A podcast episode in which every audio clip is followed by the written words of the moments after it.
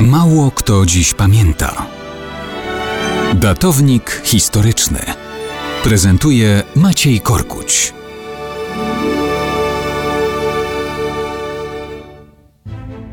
Mało kto dziś pamięta, że 14 maja 1944 roku pod Rąblowem na Lubelszczyźnie zakończył się marsz komunistycznego zgrupowania Armii Ludowej dowodzonego przez sowieckiego dywersanta Nikołaja Demko, znanego później jako funkcjonariusz Urzędu Bezpieczeństwa Mieczysław Moczar.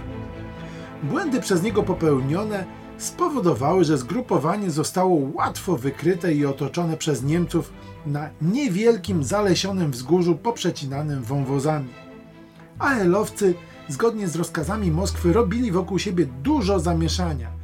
Na szczęście dla nich mieli też sporo przekazanej im przez Sowietów zrzutowej, nowoczesnej broni. Dodatkowo towarzyszył im sowiecki oddział dywersyjny. Zorganizowali więc obronę lasu, ale dopiero w nocy próbowali się wydostać z matni. Miało to się odbywać zgodnie z planem.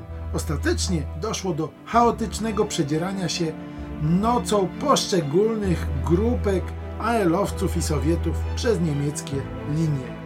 Jedne drugim nie pomagały. Straty ponieśli duże. Zgrupowanie poszło w rozsypkę i już zebrane nigdy nie zostało w całość. Faktycznie nie dało się ukryć porażki i jej skutków, ale po latach Moczar został wszechwładnym ministrem spraw wewnętrznych. Postanowiono z Rąblowa zrobić wielkie zwycięstwo i jedną z największych bitew partyzanckich w Polsce. Skupiono się przede wszystkim na tym, aby opisywać bzdury o rzekomych setkach poległych Niemców. Te głupoty do dzisiaj młodzież może poczytać w Wikipedii. Organizowano rajdy rąblowskie, zganiano nauczycieli i młodych ludzi na uroczystości. Organizowano nawet rekonstrukcję walk. Postawiono w lasku pomnik, a sam Moczar kazał się tam pochować po śmierci.